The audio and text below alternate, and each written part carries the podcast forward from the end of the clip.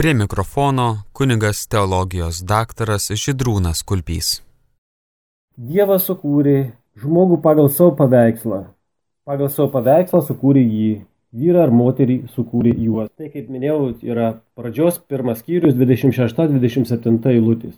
Toliau vėl mes matome temą išeina ta pati penktame skyriuje pradžios knygoje. Ir štai kas sakoma. Kai Dievas sukūrė žmogų, jis padarė jį panašų į Dievą, kaip vyrą ir moterį sukūrė. Ir dar trečioji vietoj yra devintas skyrius šešta eilutė. Štai kaip skamba. Kas išlieja žmogaus kraują, tos mens kraują taip pat išlie žmogus, nes pagal savo paveikslą Dievas sukūrė žmogų. Yra pabrėžiama, kad negali pakelt rankos prie žmogų, nes tai yra nuodėmė, kuri šaukėsi Dievo keršto. Taigi, matome, šita tiesa yra pačioj pirmoji knygoje užakcentuota labai ryškiai. Taigi, tai esminė tema, kuri padeda sužinoti žmogaus prigimties biblinę sampratą ir visą biblinį tiek senų, tiek naujo testamento antropologijos mokymą. Biblijai imago dei, latiniškas įsireiškimas, tai būtent yra tartum žmogaus apibrėžimas. Žmogaus slėpinių negalima suprasti atsietai nuo Dievo slėpinių.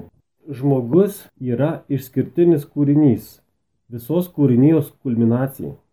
Iš visos visatos išskiria jo panašumas į savo kūrėją Dievą. Tai labai svarbu žinoti. Ir krikščioniškas tikėjimas mums liudija, kad Žmogaus kūno prasme kyla iš mūsų kūrusio Dievo, mūsų kūrėjų. Šventraštės mums sako, jog žmogaus egzistencijai suteikiama prasme, kai įvykdomas pašaukimas įgyvendinti žmoguje įspaustą Dievo atvaizdą ir tapti panašiam į jį. Kūno teologija žmogaus kaip Dievo paveikslo idėja yra labai svarbi. Šis faktas lemia visų žmogaus gyvenimą ir konkrečią elgseną. Mes per apreiškimą susipažinę su Dievu o ypatingai su Kristumi, kuris tapo žmogumi, asmuo gauna labai konkrečias gairias, kaip elgtis ir savo gyvenime, savo kasdienybėje. Kadangi Kristus įsikūnijo, mes švenčiame šitą nuostabią paslaptį, džiaugiamės tą paslaptimi. Tai vad žvelgdami į Kristus įsikūnymą, mes matome, kad Kristuje mes turime įkūnytą pašaukimą būti trejybinio Dievo paveikslu. Per Kristaus įsikūnymą mums buvo atskleista žmogiško įkūnymų giliausia prasme ir jo paskirtis. Mūsų pašaukimas būti Dievo paveikslu įgyvendinamas per kūną ir kūnę. Kristus tapė žmogumi ir būdamas kūniškas įžengė į dangų ir davė pažadą, kad mūsų kūnai prisikels ir mes būsime draugė su juo. Todėl dėl Kristaus įsikūnymo mes, kaip kūniški kūriniai, atspindime trejybinį Dievą ir dalyvaujame Dievų gyvenime. Taigi, štai pradžiai toks faktas biblinis. Mes esame Dievo paveikslas. Na, o dabar, norėdami suprasti, kaip mes galime išpildyti tą panašumą į Dievą, turime sustoti ir panagrinėti, kokį paveikslą mes matome Dieve. Kas yra Dievas? Ir paliesime šitą klausimą ir gerai įsipatogykit, nes kaimo klebonas dabar jums viską papasakos apie Dievą. Jeigu dar ką nors nesuprantat apie Dievą, tai visi klausimai išnyks. Klausimas kalbėjimo apie Dievą yra nelengvas, visada iššūkis. Bet mes pabandysime, turėdami gerus šaltinius ir Bibliją, ir kūno teologiją, tai mes pakalbėsime, kiek jau mums leidžia galimybės apie gerąjį Dievą. Nežinau, kaip čia mums išeis pasikalbėjime šitą suorganizuoti, norėtųsi labai paklausti, kad ir jūs, vat, ką nors man pasakytumėt. Toks klausimas amžinas yra, ar ne? Kas yra meilė? Kaip jūs galėtumėte atsakyti? Kas yra meilė? Gal toksai retorinis, nes nežinau, kaip čia ta diskusija gali vystytis, bet tai yra labai toksai ir gilus, aktualus labai klausimas. Tai va, turėkite omeny, ką jūs galvojate apie tai, o mes eigoje šitą klausimą ir panagrinėsime. Apaštalas Jonas savo pirmajame laiške, konkrečiai tai ketvirtas skyrius 16 eilutė, jisai kalba apie giliausius Dievo būties slėpinius. Įsivaizduokit Dievą, kurio negali prieiti visata. Per maža yra. Visas, kas egzistuoja, negali prieiti Dievo. Šitas vaikinas, apaštalas Jonas, tiesiog apibūdina Dievą vienu sakiniu. Vat matot, labai vyriškai, mažai šneka, daug pasako. Tu, kur nurodžiu tą vietą, pirmas Jono 4.16, štai kaip jisai sako apie Dievą. Dievas yra meilė. Taškas. Tikriausiai jau girdėjo šitą vietą švento rašto. Tai reiškia, kad Dievo egzistencija yra į meilį. Jis egzistuoja meilėje. Jis tiesiog yra meilė. Štai kokią žinę mums siunčia apaštalas Jonas. Na taip, jeigu toks yra prieiškimas apie Dievą, kad jis yra meilė. Todėl va tas klausimas, kas yra meilė, jūs man galėtumėte pristatyti savo požiūrį, kaip jūs suprantate Dievą. Bet dabar, jeigu Dievas yra meilė, tai mes turime ir paprašyti pačio Dievo. Parodyk man, kas yra ta meilė. Meilė pagal Dievą, ne pagal kulpį, ne pagal čia, va, ką matau jūsų vardus, ne, bet pagal Dievą. Tai va, tai yra tikras dalykas, ką mes turime žinoti. Nes įvairius nuomonės gali būti labai, nu ir tiesiog kad nenupjauti grybo liaudiškai, turime žiūrėti į Dievą. O Dievas tikrai turi ką pasiūlyti šitą temą. Ir jis tikrai atskleidžia, kas yra meilė. Ypatingai mes tą matome praskleidžiant per Kristaus veikimą.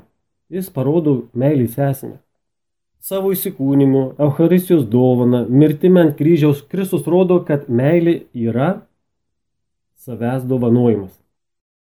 Vasario 14 dieną Žmonės labai ryškiai švenčia, netgi užsiklyjuoja širdelių, net ant veido, kaip kas iš jaunimo užsiklyjuoja. Ir vienas toksai iš šono stebėdamas šitos visus elgsenas vasario 14 žmogus sako, man atrodo, kad vasario 14 yra širdininkų diena. Bet iš tikrųjų širdis nėra simbolis meilės tikrosios. Aš parodysiu jums, kas yra tikrasis meilės simbolis. Aš kartais tą taip nedrasiai, bet bandau parodyti, kas yra tikrasis simbolis meilės. Ne širdis, ne tas organas. Bet štai yra tikrasis meilės simbolis. Va, tai ir mes labai plačiai ir aptarsim, žinot, kaip ateini prie altoriaus jaunimas gražiai nusiteikia, įsipuošia ir kryžių rodyti kažkaip neįprasta, bet žmonės turi teisę į tiesą, kas jų laukia. Meilė neįmanoma be kryžius, tiesiai šviesiai bet kuriam gyvenimo keliui.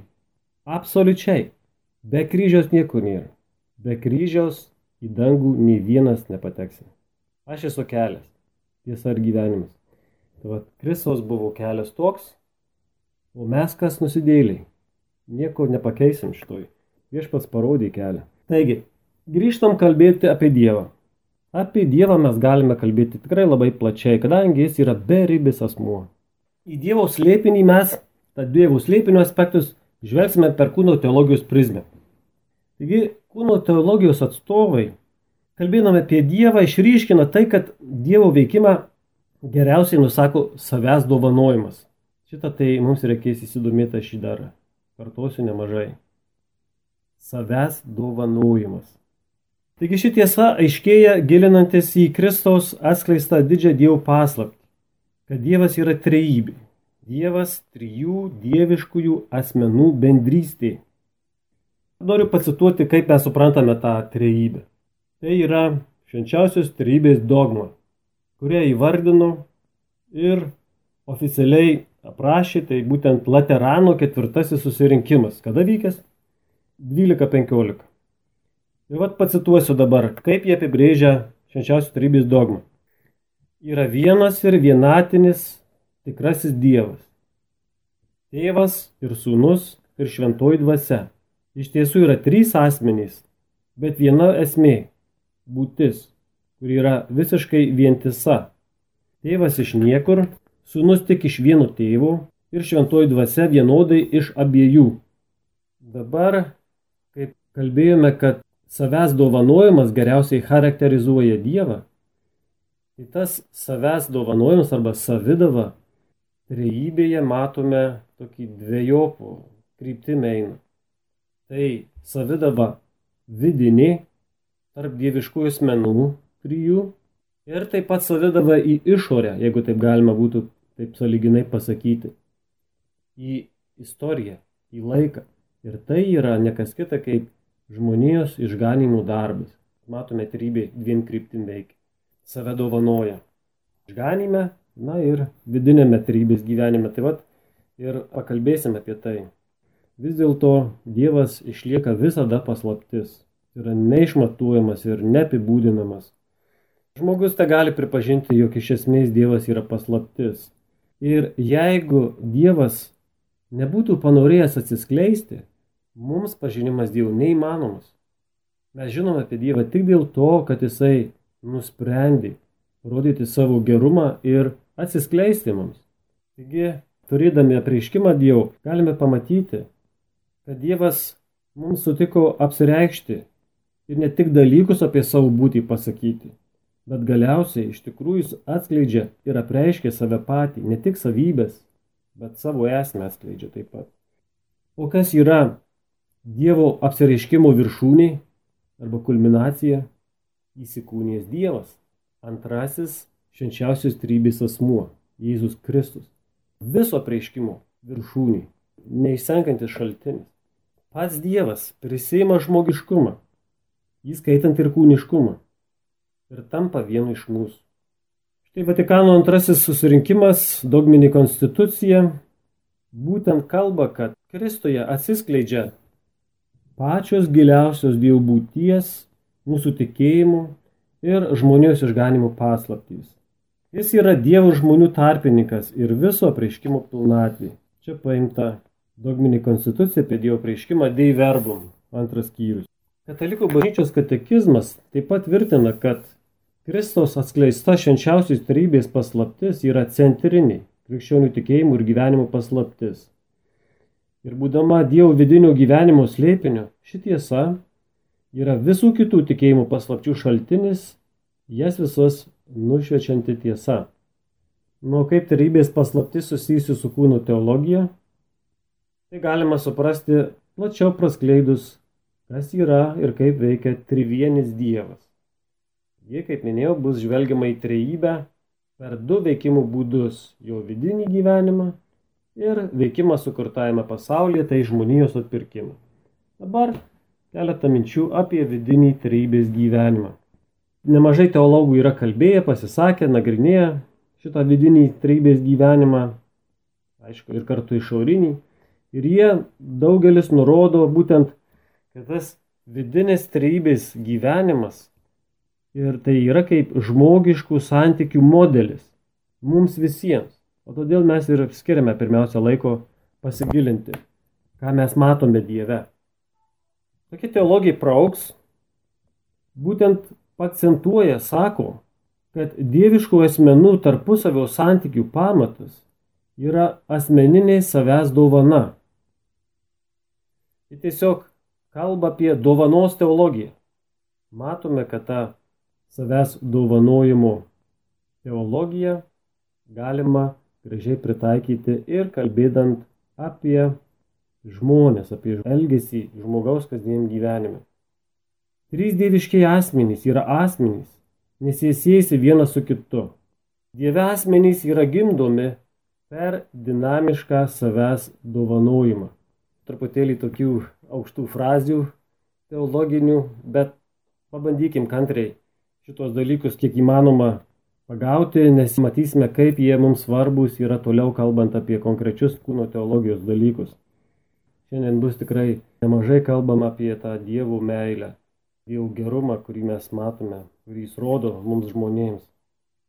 Dievas mums atskleidžia savo vidinio gyvenimo santykių paslaptį, būtent kaip modelį viskam, kas egzistuoja. Ir galima būtų drąsiai sakyti, kad dovana turi būti vertinama kaip esminiai būties kategorija. Sukurtasis pasaulis ir ypač jo viršūnė - žmogus - gimsta iš dievų, kurio esmė yra savęs dovanojimas. Taigi tai turint omenyje, galime suformuluoti ir išvadą. Dovana yra visos kūrinijos ir ypač žmogaus, kaip sukurtų pagal Dievo paveikslą, egzistencijos pamatas pamatas, ant kurio reikia statyti visą egzistenciją. Dovana. Viskas yra dovana.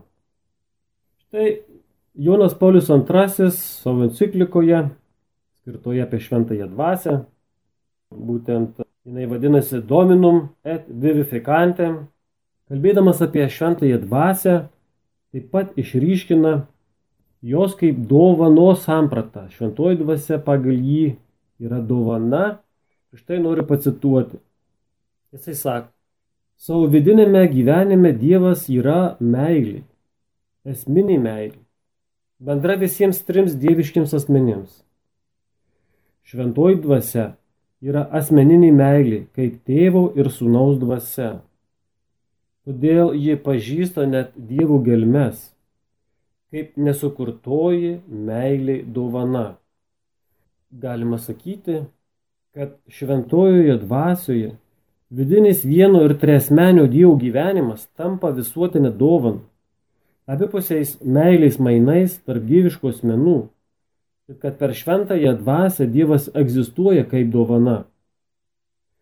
Būtent šventoji dvasia yra tokio savęs atidavimo, šios esybės meilės asmeninė išraiška. Ji yra asmuo meiliai, ji yra asmuo dovana. Dar kalbant apie šventąją dvasę, reikėtų paminėti ir augustiniškoje trejybinės meilės interpretacijoje iškeliamą vaisingumo aspektą. Absoliutų laiko ir erdvės nesaistoma tėvų ir sūnaus buvimą savaime lydi absoliuti, nerezervuota jų tarpusavio savidava, kuri kartu yra vaisinga, jei proporcingų vadinasi begaliniu laipsniu. Kitaip tariant, Iš absoliučiai meilingos savidavos amžinai kyla tėvui ir sūnui prigimtimi ir verte tapatus šventosios dvasios asmuo. Šį asmenį tapatinant su meiliais ryšiu tarp tėvų ir sūnaus pabrėžiama neišvengiama autentiškos meilės vaisingumo kokybė ir apstumas. Tad būtent kodėl norėjau atkreipti dėmesį į šitą vaisingumo aspektą, tai būtent, kad mes matydami tą vaisingumą, ar ne, vat, kaip sakyti, tą meilės, meilės asmuo, dvasia, kuri kyla iš tarp tėvų ir sūnaus. Vat mes matysime ir kūno teologijos kalboje, kad mes žmonės, kaip Dievo paveikslai, irgi esame pašaukti atkartoti šią meilės ir gyvybės sąsają santokoje, toje santokos savidavoje. Taigi, brangieji, Sekant ir oficialių bažnyčios mokymų ir teologų ne vieno svarstymų, galime suprasti, kad tėvas, sūnus ir šventoji dvasia yra absoliuti dovana vienas kitam ir šių dieviškos asmenų bendrystės šaltinis. Tas savęs dovanojimas yra trejybinių santykių pamatas ir dieviškųjų asmenų identiteto šaltinis. Taigi, dar apie trejybę galima kalbėti ir kito aspektu. Tai būtent pagal tai, kaip asmenys veikia. Tie trys asmenys tėvas, sūnus šventųjų dvasia, kaip jie veikia. Dievas veikia į išorę, taip sakykime, nesaliginai. Ir šis veikimas vadinamas dieviškąją ekonomiją. Arba tiesiog išganingojų dievų veikimu. Tai, ką Dievas daro dėl žmonių išgelbėjimų, išganimų. Dieviškoji ekonomija. Ir čia reikėtų pasakyti, kad visas išganimo darbas yra bendras trijų dieviškų asmenų veikimas. Trejybė veikia vieningai, tačiau kiekvienas dieviškasis asmuo bendrą darbą atlieka savitai. Visi kartu veikia. Jeigu veikia vienas asmuo, tai nepertraukiamai, tai yra visų trijų veikimas, ar ne? Toks pavyzdys gali būti ar ne mums kasdieninis, sakykime, saliginai kasdieninis. Tai šventoji komunija. Tada mes per šventąją mišių auką priimame šventąją komuniją. Antrasis trybės asmuo - sūnus, Dievas sūnus, bet tuo pačiu pagal šitą, ką mes kalbame, tai būtent tai yra ir visos trybės apsilankimas. Mes priimame komuniją, komunijoje pačią irgi visą trybę. Atsiprašau, kad paminėjau komuniją, bet toks atėjo pavyzdys. Dabar labai gaila, kad galbūt jau seniai kada nors esate prieėję komuniją per šitos visus pas mane kaime lankėsi Patrijonas, man atrodo, buvo tada iš miesto grupeliai žmonių ir jie, kaip sakyti, nu mes važiavom ir pamatė tokį reiškinį tokį gana retą miestiečiams karvį ganus. Pas mus miestelį, žinot. Ir ta viena mergina prisiminė ir sako, man šitas vaizdas primena vaikystę mano. Kaime praleisdavau ir šiltą pieną. Sako, net pagalvojau, tai net silpna pasidarė. Taip reiškia, tie prisiminimai, kaip koks skanus tas pienas būdavo jai. Vat iš tikrųjų, tai aš atsiprašau, kad ir komuniją paminėjau šiuo atveju, nes, nes iš tikrųjų kartais gali būti net silpna, kaip mes pasiilgę šitų dalykų iš tikrųjų. Tikėkime, brangiai, kad viskupai atidarys šventasis mišes ir mes galėsime vėl prisiliesti prie tų brangiausių, švenčiausių dalykų, prie trybinių dalykų per šventąją komuniją vėl, kas yra mūsų stiprybės šaltinis kaip mums kasdieniai dūna reikalinga, tai ir kasdieninis dvasinis maistas nepakeičiamus. Taigi, teologai išskiria imanentinį ir ekonominį trybės aspektus. Imanentinis trybės aspektas yra tėvų sunaus ir dvasios asmenų vidiniai savidava, savęs dovanojimas vienas kitam. Arba latiniškai savidava ince. O ekonominis trybės aspektas yra tėvų, sunaus ir dvasios asmenų savidava į išorę yra žodžio ir dvasios siuntimas į sukurtą į pasaulį. Arba taip lotiniškai Dievo savidava ad extra. Dievo ekonomija yra Dievo gyvenimo pasidalinimas su kūriniu ir dėl kūrinio. Ši ekonomija yra konkretus Dievo egzistavimas Kristuje ir dvasioje. Ekonomija yra dieviškumo ir žmogiškumo bendrystės paslaptis. Štai teologas Karlas Raneris sako tokį labai gražų ir svarbų dalyką, kad tarp imanentinio ir ekonominio trejybės aspektų yra glaudi jungtis. Tai yra tik du vienos dieviškosios savidavos aspektai. Visi trys dieviški asmenys maloniais būdu perdoda save žmogui su kiekvienam asmeniui būdingu savitumu ir skirtingumu. Ši trejopa savidava yra vieno Dievo savidava trimis susijusiais būdais, kuriais egzistuoja Dievas. Taigi Dievas siejasi su mumis trejopai. Ir šį trejopį saitai su mumis nėra tik vidiniais trejybės kopija ar analogija, tai yra pati trejybė. Taip pat šis teologas Raneris pabrėžia, kad tai, kad Dievas suteikia žmogui savo kūrinį, yra nekas kita, kai jis pats. Ne kokia nors malonė, bet tai, ką jis duoda, tai yra pats save atiduoda. Dievas pasidalyja su kūriniu nedalimi savęs, o tikrai žodžio prasme dovanoja save. Biblija liūdė, kad ši Dievo savęs komunikacija yra trijopo pobūdžio.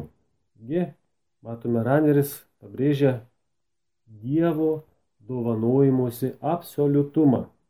Jokios rezervacijos. Duoda save pilnai.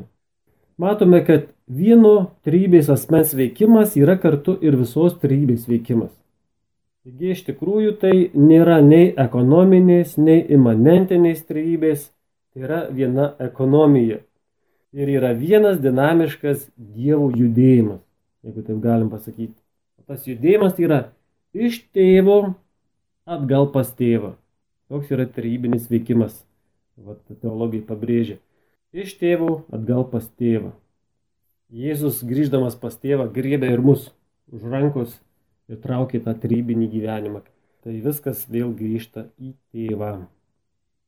Taigi Dievas būdamas dovana ir savo visą kūrybą grindžia dovana.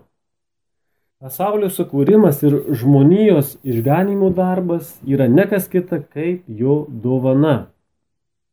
Taigi, dabar, brangiai, taip keliais žodžiais pakalbėjome apie tą vidinį savęs dovanojimą tarp trybės asmenų. Na, o dabar žvelgsime, kaip Dievas veikia į išorę, taip saliginai kalbant. Būtent kaip Dievas save dovanoja išganimų istorijoje.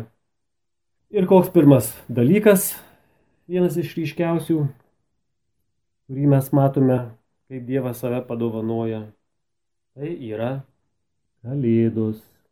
Taigi Kalėdos – Dievo įsikūnymas. Antrasis trejybės asmuo tampa žmogumi. Tai apaštalas Jonas vėl mums gražiai pasako esmę įsikūnymo. Jono pirmas laiškas, ketvirtas skyrius, devinta eilutė. Štai ką jis rašo. Dievo meiliai pasireiškia mums tuo, jog Dievas atsiuntė į pasaulį savo viengimį sūnų, kad mes gyventume per jį. Pažvelgus į visą Kristaus įsikūnijusio Dievo veikimą, galime tarti, jog žodis tapo kūnu, kad mes pažintume Dievo meilę. Per Kristaus įsikūnymą mums apsireiškia Dievo meilė, realiai ateinanti pas mus žmogiškojų pavydalu kaip dovana. Meilė reiškia tuo, kad ji išeina iš savęs ir eina į kitą. Dievas, matome Kristuje, išeina iš savęs į savo kūrinius, žmonės, ir kviečia juos į savo gyvenimą. Tai šią tiesą ryškiai atskleidžia Kristos įsikūnymas. Dievo gyvenimas nėra uždaras, priklausantis tik jam pačiam. Kūrybinis gyvenimas yra atviras ir mums. Ne, kaip sako, Kristus įsikūnydamas amžinai susitokė su žmonija.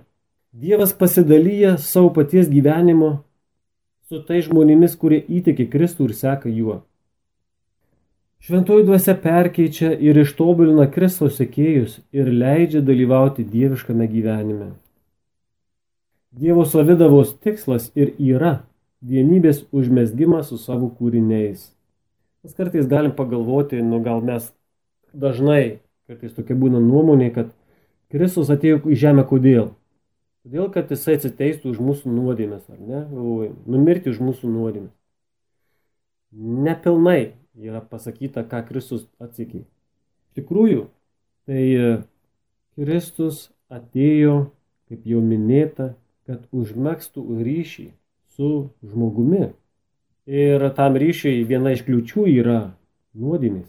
Vat ir jisai panaikina nuodėmės, bet žengia dar toliau. Ne tik nuodėmių panaikinimas bet jis įtraukia žmogų į trejybės paslaptingą gyvenimą. Ryšys, užmėgsti ryšį tarp žmogaus ir dievų. Tai ta pilnutinė misija, kuriai įvykdyti buvo atsiųstas viešpats Jėzus. Dievo išganimo ekonomija yra žmogaus sudievinimo ir išaukštinimo ekonomija. Būtų klaidinga manyti, kad trejybinis gyvenimas priklauso šimtinai tik Dievui atskirai nuo kūrinių.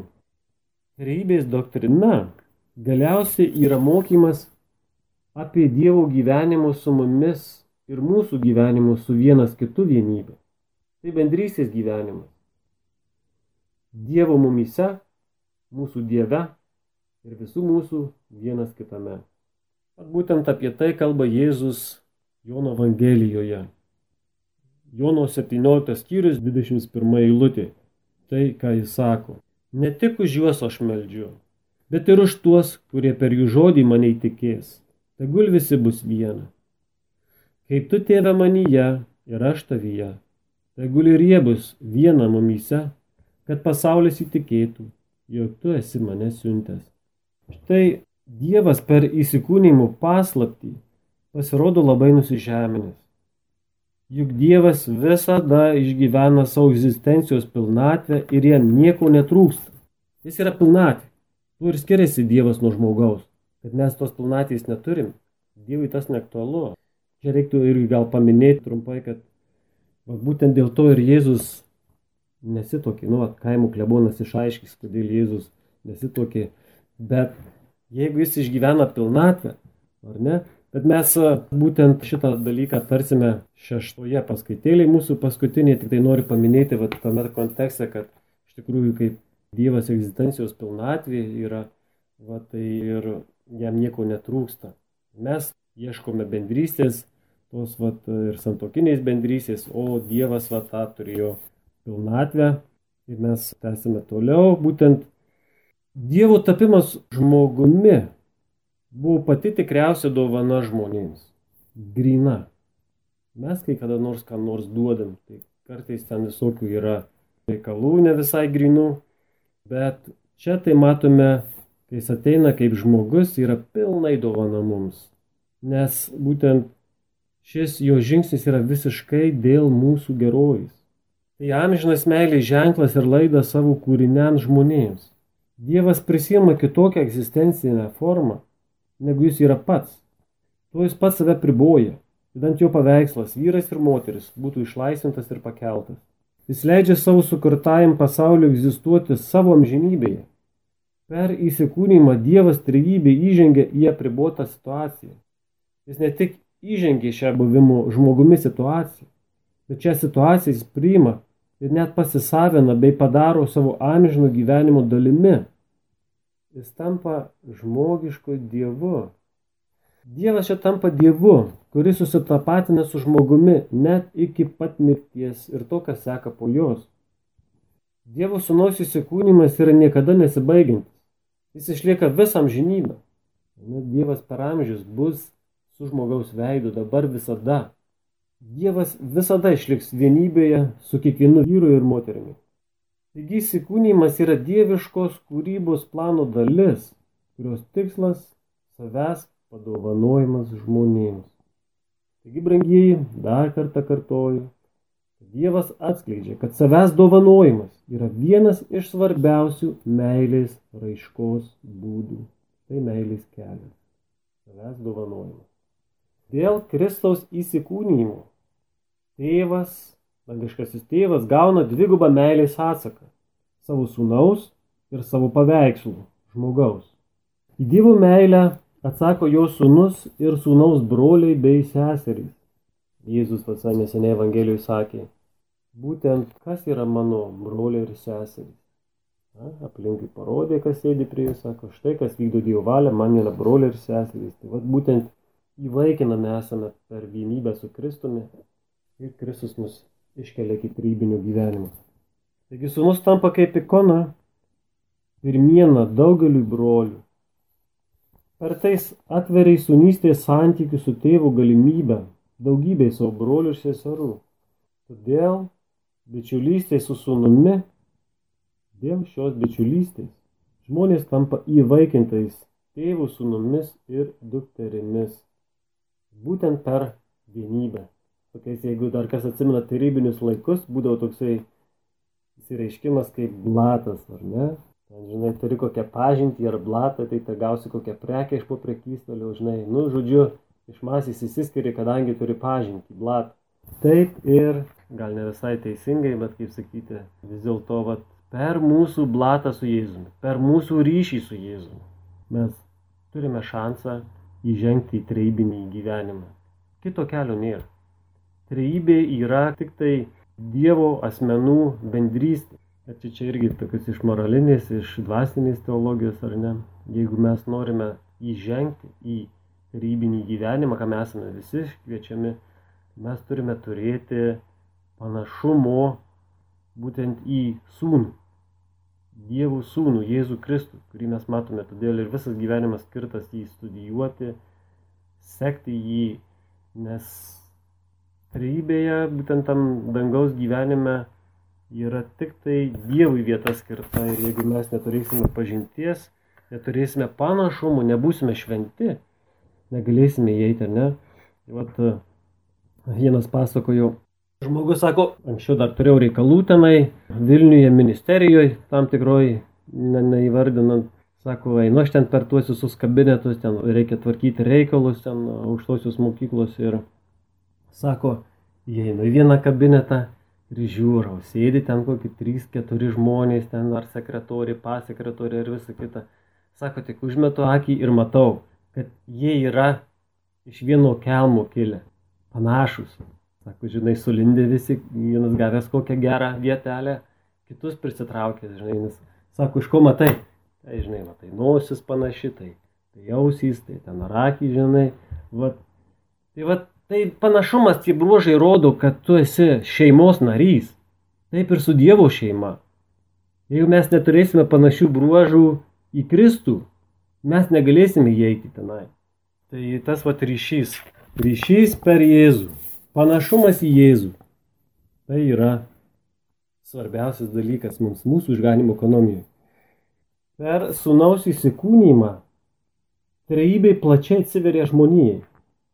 Sūnaus tėvas tampa naujos, laisvos ir suvienytos žmonijos tėvų.